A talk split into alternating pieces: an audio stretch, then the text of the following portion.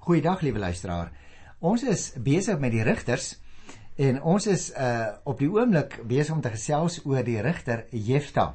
En ek het in die vorige program begin hê vir julle te sê hy's eintlik 'n baie interessante man want sy pa was 'n soldaat en sy ma was 'n prostituut.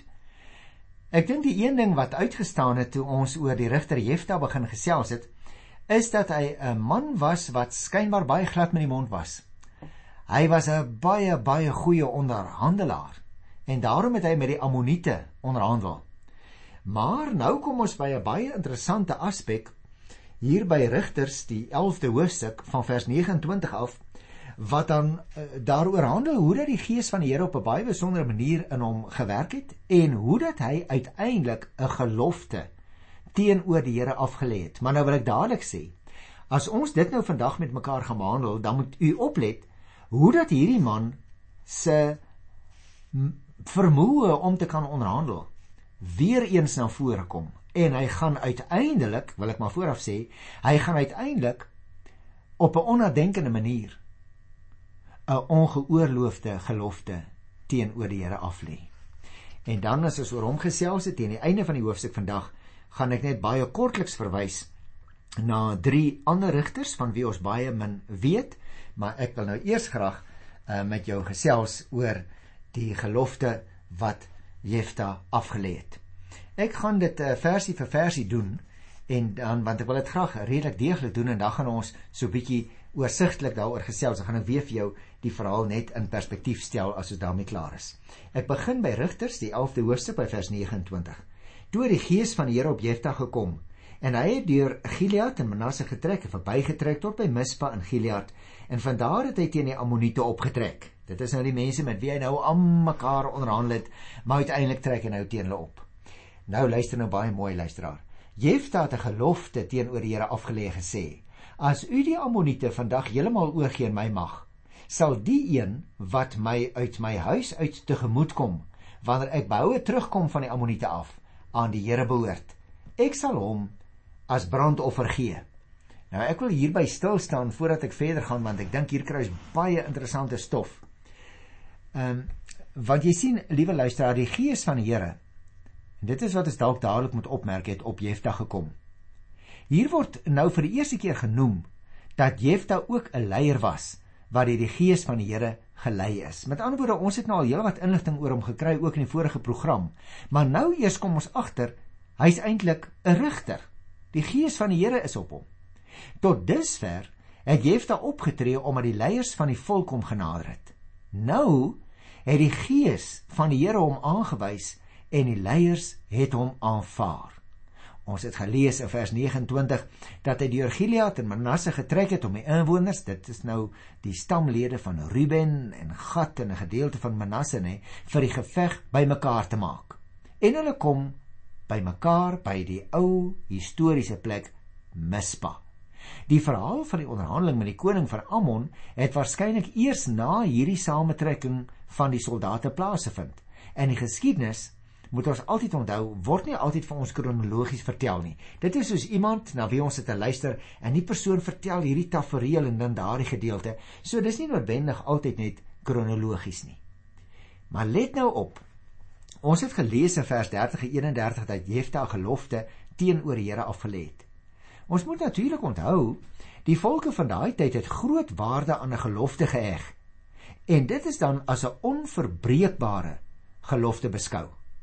Dat Jefta tog wel ook 'n gelofte afgelê het, dui aan die ander kant op 'n mate van onsekerheid oor die uitslag van die veldtog. Hy praat oorhaastig en onbedag. As hy oorwin, sê hy, dan sal hy die een wat uit sy huis kom tegemoet om hom te ontmoet offer. Jy moet oplet luisteraar. Alhoewel die een so word dit vertaal in die Hebreëus manlik is, kan ons aanvaar dat Jefta 'n man of 'n vrou in gedagte gehad het. Dus enigiemand wat uit die huis sou uitkom, uit dankbaarheid so onderneem hy nou, sal hy dan die beste wat hy het aan die Here offer. Hy wil nie vooraf sê wie dit moet wees nie, want die Here moet die persoon self aanwys. Hy dink seker hier nie besonder aan die brandoffer en die gewone woord vir 'n brandoffer wanneer word dan ook hier in Hebreëse taal gebruik. Jefta se onnadenkendheid kom juis hier nou baie duidelik na vore. Die Here het mensoffers uitdruklik verbied. Onthou jy nog toe ons dit behandel Levitikus 18 vers 21 en Levitikus 20 vers 2 tot 5 en selfs Deuteronomium 12 vers 31. Mensoffers is verbied deur die Here aan die volk in die Ou Testament. Maar Jefta wil die Here op 'n heidense wyse begin vereer. En dit kan tog nie. Met ander woorde, u kom agter, dis 'n totaal onnadenkende handeling wat hy hier uitvoer en hy wil boonop 'n offer bring wat nie vir die Here aanvaarbaar kan wees nie want die Here het menseoffers verbied. Nou sê vers 32 en 33 Jefta toe na die Ammoniete toe getrek en teen hulle te veg en die Here het hulle in sy hand oorgegee. Jefta het hulle van Aroer af verslaan tot waar 'n mens kom en dan word die plekke genoem. Jefta het in Mispa, nou moet jy mooi luister, by sy huis gekom. En toe kom sy dogter hom tegemoet met tamboeryne en koordanse. Sy was sy enigste kind. Hy het nie nog 'n seun of 'n dogter gehad nie. Nou hier begin die poppe nou te dans. Dit moes vir hom verskriklik uh, gewees het. Wanneer Jefta by die huis kom, sê vers 34, kom sy dogter met tamboeryne en koordanse hom tegemoet. En ek dink, liewe luisteraar, dit word juis beklemtoon dat sy sy enigste kind was. Vers 35 sê toe hy haar sien, het hy sy klere geskeur en gesê: "Ag my dogter, jy het my gebreek en in ellende gedompel. Ek het my woord aan die Here gegee en ek kan dit nie terugtrek nie." Nou, hy skeer sy klere, liewe luisteraar, want hy besef dadelik hy moet hy moet hom voor die Here verootmoedig. Dis 'n teken van intense rou en verdriet oor wat hy gedoen het. Hy besef nou dat sy woord aan die Here 'n eed is en hy kan dit nie sommer net verbreek nie. Hy sal dus moet doen wat hy onnadenkend beloof het om die eerste een wat na hom kom aan die Here te offer. Indien hy haar dus letterlik sou offer, hierdie dogter van hom, dan sal daar vir hom geen enkele erfgenaam meer oorwees nie. Seuns en dogters kon natuurlik wel erf, so het ons geleer in Numeri 36. Jefta het net een dogter gehad. Dat hy haar vir sy ellende beskuldig, was seker maar dalk net 'n emosionele reaksie. Maar dit lyk vir my asof hierdie man so op sy emosies gereageer het in die verlede dat hierdie man nog net nog 'n voorbeeld daarvan was. Nou sê vers 36 Jefta se dogter het hom geantwoord: "Pa, pa het pa se woord aan die Here gegee. Doen met my wat pa gesê het. Nou dat die Here vir pa gehelp het om pa se vyande, die Ammoniete, te straf." Dit moes dan 'n wonderlike dogter hierdie gewees het, nie waar nie? Sy hart het nie weg nie. Die dogter wat die erns van die eed besef het, was dadelik gewillig om geoffer te word. Dit toon ook die gesindheid van die mense om alles, selfs tot die uiterste toe, te offer as dit nodig sou wees. Nou lees ons vers 37 en 38. Sy het verder vir hom gesê: "Bewys my net hierdie guns. Gee my 2 maande uitstel om berge toe te gaan, en daar saam met my vriendinne te gaan treur oor my lewe as jong meisie." Hy het haar gesê: "Gaan gerus maar.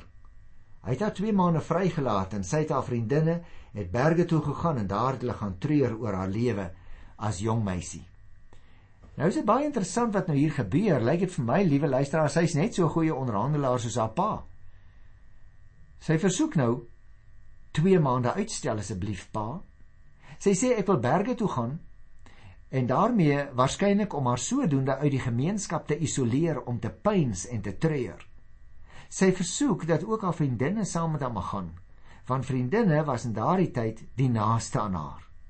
Die diepste oorsaak van haar droefheid, sê sy, is haar lewe as jong meisie, waarin 'n man seker nie so intens sou kon homself inlewe as haar pa byvoorbeeld nie.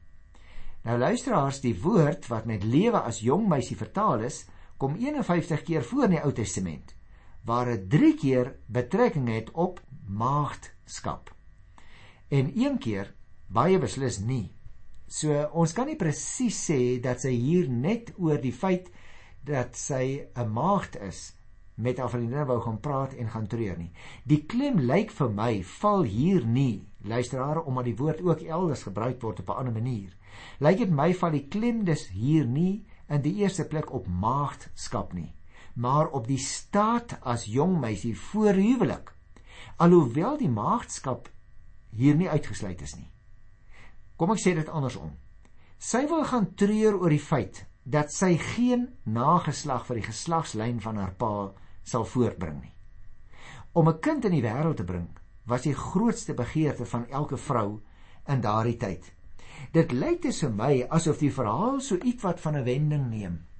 Dat sy in haar onderhandelinge met haar pa die moontlikheid noem dat sy nie geoffer sal word in die sin van 'n brandoffer nie, want dit is nie geoorloof nie.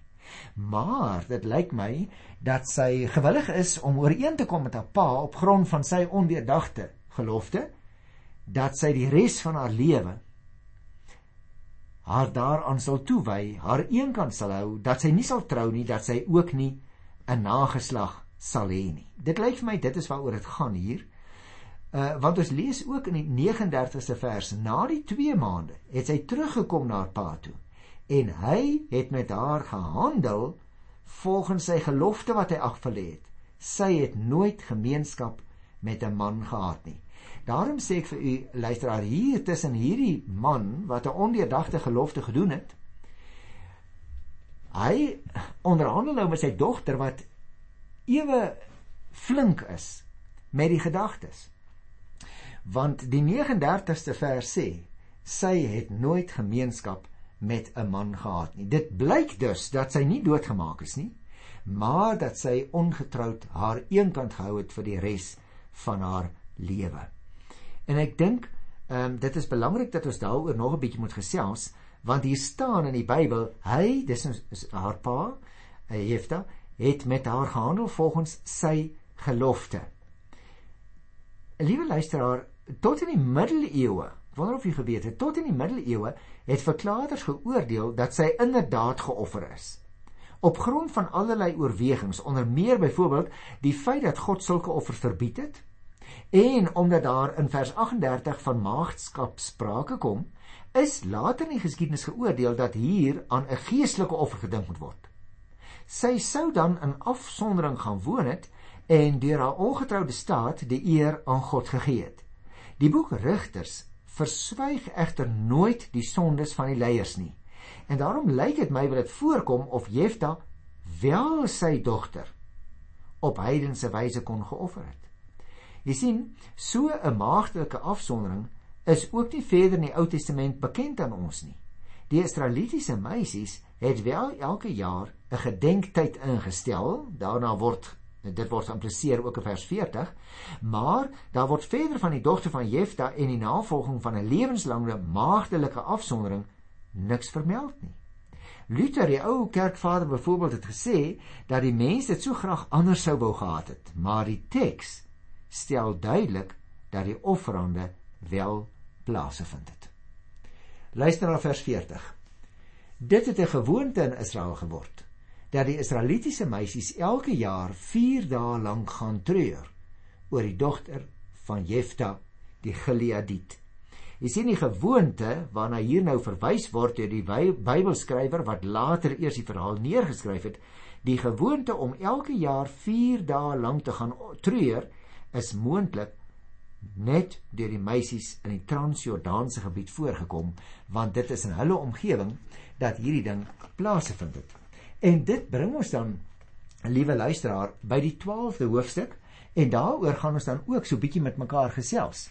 Na hierdie ietwat vreemde verhaal kry ons nou in Rigters die 12de hoofstuk die verhaal van die burgeroorlog tussen Gilead en Efraim. Ek gaan dit uh, ook so stukkie vir stukkie deur, maar 'n bietjie meer vlugtig. Die manne van Efraim is vir oorlog opgeroep en het deur die Jordaan getrek na Safon toe. Hulle het vir Jefta gaan sê: "Waarom het jy alleen opgetrek om teen die Ammoniete te gaan veg? Waarom het jy ons nie opgeroep om saam met jou te gaan nie? Ons gaan jou huis bokant jou kop afbrand." nou liewe luisteraar, hier kom nou skielik 'n groot stuk moeilikheid vir hierdie man wat 'n rigter was maar nie altyd in oorgawe die Here gedien het nie. want die manne van Efraim word nou opgeroep en hulle kom by Safon by mekaar lees ons dit is aan die oor aan die uh oorkant van die Jordaanrivier. Met ander woorde soos mense na die kaart kyk aan die ooste kant. En dit is ook noord van Jabok as jy miskien op 'n kaart wil gaan soek daarna. Jabok rivier lê so bietjie aan die regterkant van die Dooie See en daar sal jy dit uh, uh gaan kan gaan soek op die kaart. Nou moet jy oplet liewe luisteraar hulle verwyd En die dreiging wat hulle uit hulle mond kom, is gebore uit afguns en veragting vir die stamme oor kan die Jordaan. Hulle wou graag die leeuwe aandeel hê aan die stryd en natuurlik ook aan die buit. Natuurlik ook aan die eer van die oorwinning. En daarom sê hulle nou vir Jefta, hoekom het jy ons nie ook opgeroep nie? Jefta het hulle geantwoord vers 2. Ek en my manskappe was in ernstige stryd gewikkeld met die Ammoniete en ek het julle hulp ingeroep. Maar julle het my nie uit hulle mag kom red nie. Jy sien in sy verweer noem Jefta dat hulle in 'n ernstige ernstige stryd was met die Ammoniete. Hulle is 18 jaar lank verdruk en mishandel. Daarby, sê Jefta, het hy nog met hulle probeer onderhandel. Hy het self met hulle getwis. Ons het daaroor gepraat in die vorige program. En in die tyd moes hulle tog Israel se hulp geroep gehoor het. Vir die eerste keer nou luisteraar word vir ons vertel dat Jefta ook hulle hulp ingeroep het. Ons het dit nie geweet nie. Maar ons hoor nou ook, hy verwyd hulle. Jefta sê vir hulle, "Maar ek het julle laat roep en julle het ons nooit in die tyd gehelp toe die Ammoniete ons soveel moeilikheid gegee het nie." Vers 3. Toe ek merk daar's niemand wat my wou kom red nie, het ek my lewe gewaag en teen hulle opgetrek. Die Here het hulle in my mag oorgegee. Waarom kom julle nou teen my oorlog maak? Jy sien Jefta sê vir hoor die manne, ek het regtig my lewe gemaak gewaag om oorlog te te maak teen die Ammoniete, maar die eer vir die oorwinning kom nie my toe nie. Julle maak 'n fout. Die eer kom aan die Here toe. Vers 41. Jefta het toe al die manne van Gilead opgeroep en teen Efraim oorlog gemaak. En die manne van Gilead het vir Efraim verslaan. Die mense van Efraim het altyd vir hulle gesê: "Julle mense van Gilead is weglopers uit Efraim en Manasse." So jy sien luisteraar, daar was nog nooit regtig vrede nie. Daar was nog altyd die hele tyd spanning onder die verskillende groepe. Dit het nog alles ontstaan sal jy onthou in Abimelek se tyd wat sy uh, koningskap gebou het deurdat hy sy broers laat doodmaak het. In daardie vyandskap tussen die verskillende groepe het nog nooit gaan lê nie. En nou praat Jefta met hierdie mense daaroor. Daar moet 'n tyd verloop tussen die onderhandeling met die Efraimiete en hulle saamtrek by by Safon wil dit my voorkom. Want die skrywer merk dan ook op dat dit vir die eergevoel van Efraim 'n besondere krenking moes gewees het, want hulle het en dan staan daar die mense van Gilead as weglopers uit Efraim en Manasse beskou. Jy sien as daar is dus agterdog, die een vertrou die ander nie. En die woord wat ek net by sê, luisteraar, wat met weglopers vertaal is, het ook die betekenis in Hebreëse taal van mense wat uit 'n noodsituasie gevlug het. Hy sê man, hoor jy, julle is eintlik 'n klomp vlugtelinge. Hier het dit dus meer die betekenis van mense wat van 'n gevestigde en 'n eerbare groep weggeval het. Hy sê julle het bietjie uitgeval man, julle het bietjie agteruit geboer. Maar hierdie ouens gaan dit nie so maklik aanvaar nie, want in vers 5 die manne van Gilead het die Jordaan drywe na Efraim toe beset. Wanneer 'n Efraimitiese vlugteling sê ek wil deurgaan, sê hulle vir hom jy's 'n Efraimit. En as hy sê nee, ek is nie, dan sê hulle vir hom sê 'n bietjie Shebolet, maar dan sê hy Sibolet. Want hy kan dit nie reg uitspreek nie. En dan gryp hulle en hulle maak hom daar by die Jordaan drif dood. In daardie tyd het daar 42000 man van Efraim gesneuwel. Nou luisteraar, ek wil hierby 'n bietjie stil staan, want jy sien, dit is nou die Gileadite se beurt om die vlugtelinge by die Jordaandriwe voor te keer. Alle manne, so staan daar, word gevra om hulle self te identifiseer. Want die Gileadite was op soek na vlugtende Efraimiete. En nou, om hulle self te identifiseer, moes die mense 'n sekere woord uitspreek naamlik Shibolet. Die Efraimiete het dit egter as Sibolet uitgespreek. En op daai manier het hulle hulle self oombliklik verraai, en hulle taal, hulle manier van praat het hulle verraai. Altesaam staan nie nou 42000 man van Efraim het gesneuwel. Nou moet ek dadelik sê, liewe luisteraar, dis 'n baie hoë getal. Daar is egter met meer getalle in die Ou Testament soms probleme. En dit kan net dalk moontlik wees dat die klem op die groot hoeveelheid val eerder as op die presiese hoeveelheid wat gesneuwel het. Ek wil daarmee 'n belangrike ding ook onderstreep, liewe luisteraar, wanneer dit by getalle kom byvoorbeeld, uh, veral in die Ou Testament wat lang historiese gedeeltes het en wat daardie historiese gedeeltes uit verskillende bronne later saamgevoeg het as die eindredaktors dit gedoen het, het daar soms vreemde, soms selfs botsende getalle voorgekom, maar inhoudelik neem dit niks af van die boodskap van die Bybel nie. Hierdie man wil vir ons sê, hierdie ouens wat die Shibboleth so verkeerd uitgespreek het as Sibboleth. Daar was 'n hele klomp van hulle en hulle is doodgemaak van hulle spraak het hulle verraai. Nou staan daar in vers 7 hier by Rigters 12. Jefta was 6 jaar lank leier van Israel. Jefta, die Gileadit, het gesterf en hy is begrawe in een van die stede in Gilead. Jy sien die getal van Jefta se leierskap was die kortste van al die leiers, net 7 jaar. Hy was leier oor die stamme aan die ooste kant van die Jordaan en toe hy gesterf het, is hy begrawe in 'n onbekende stad, naamlik Gilead. As ek dit mag saamvat, net iets oor hierdie burgeroorlog oor Gilead en Efraim, want dit is vir ons 'n verdere gevolg van Jefta se onnadenkende optrede. Ek het dit reeds vir u uitgewys. Jy sien liewe luisteraar, Jefta wat so hard onderhandel het om vir homself die leiersposisie te verkry. Tree vir 'n skrale 6 jaar op uiteindelik as leier, die kortste tyd van al die leiers. Efraim wat so hard onderhandel het om in die eer van die oorwinning oor Ammon te deel, word uiteindelik die oorsaak van die skande van 'n burgeroorlog in Israel. O, liewe luisteraar, die prys van eersig en van eie belang is 'n baie baie duur prys om te betaal en die beloning is soms bitter. Soms in hierdie geval baie kort. Ek wil net kortliks vir jou ietsie sê van uh drie leiers van wie ons baie min weet, naamlik Ipsam, Elon en Abdon. Hy skryf dit hier in die vermelding in vers 8 tot by vers 15.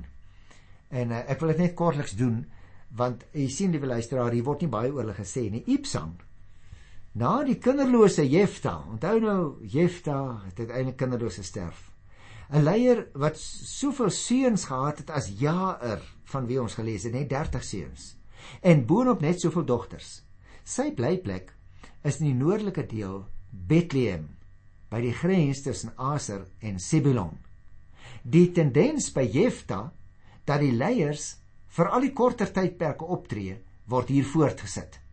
Ibsan byvoorbeeld aksentueer die dwaasheid van Jefta se gelofte en die toenemende agteruitgang by die stamme van Israel. Luister so 'n bietjie. Na Jefta was Ibsan uit Bethlehem die leier van die Israeliete. 30 dogters, 30 seuns gehad. Sy dogters met mans laat trou wat nie aan sy stam laat behoort nie en vir sy seuns het hy 30 vrouens van buite sy stam af laat kom. Hy was 7 jaar lank rigter van die Israeliete. Ibsan het gesterf en hy's begrawe in Bethlehem. Die ander een van wie ons baie min weet, vers 11 en 12. Na hom was Elon wat uit Zebulon gekom het, het gesterf en hy's begrawe in Ayalon, né, daar waar die Here die son laat stil staan het in Joshua 10 by vers 12. So van hom weet ons ook eintlik baie min. En dan die laaste een vir vandag, Abdon. Uh van hom weet ons ook uh, uh, liewe luisteraars baie min want uh, hy kom ook net soos Tola uit die gebied van Efraim. Hy het soveel nageslag gehad as wat Gideon kinders gehad het. Sy kinders het ook op donkies gery soos die seuns van Jair en ook by hom word die agteruitgang by Israel gereflekteer in die kort periode van sy optrede. Dit wil vir ons sê, liewe luisteraar, moet nooit vinnig 'n gelofte teenoor die Here doen nie. En hierdie mense wat so kort opgetree het, wat sê dit vir ons? Waarskynlik kan ons die afleiding maak dat hulle kort voor die einde van hulle lewe eers tot leiers geroep is. Verder weet ons eintlik van niks. En daarmee so 'n bietjie aan die ander kant die skemerte van die horison uh waar ons nie presies weet wat gebeur het nie. Ek wil nie spekuleer nie. Groet ek jou in die naam van die Here, die God van die woord. Tot volgende keer. Totsiens.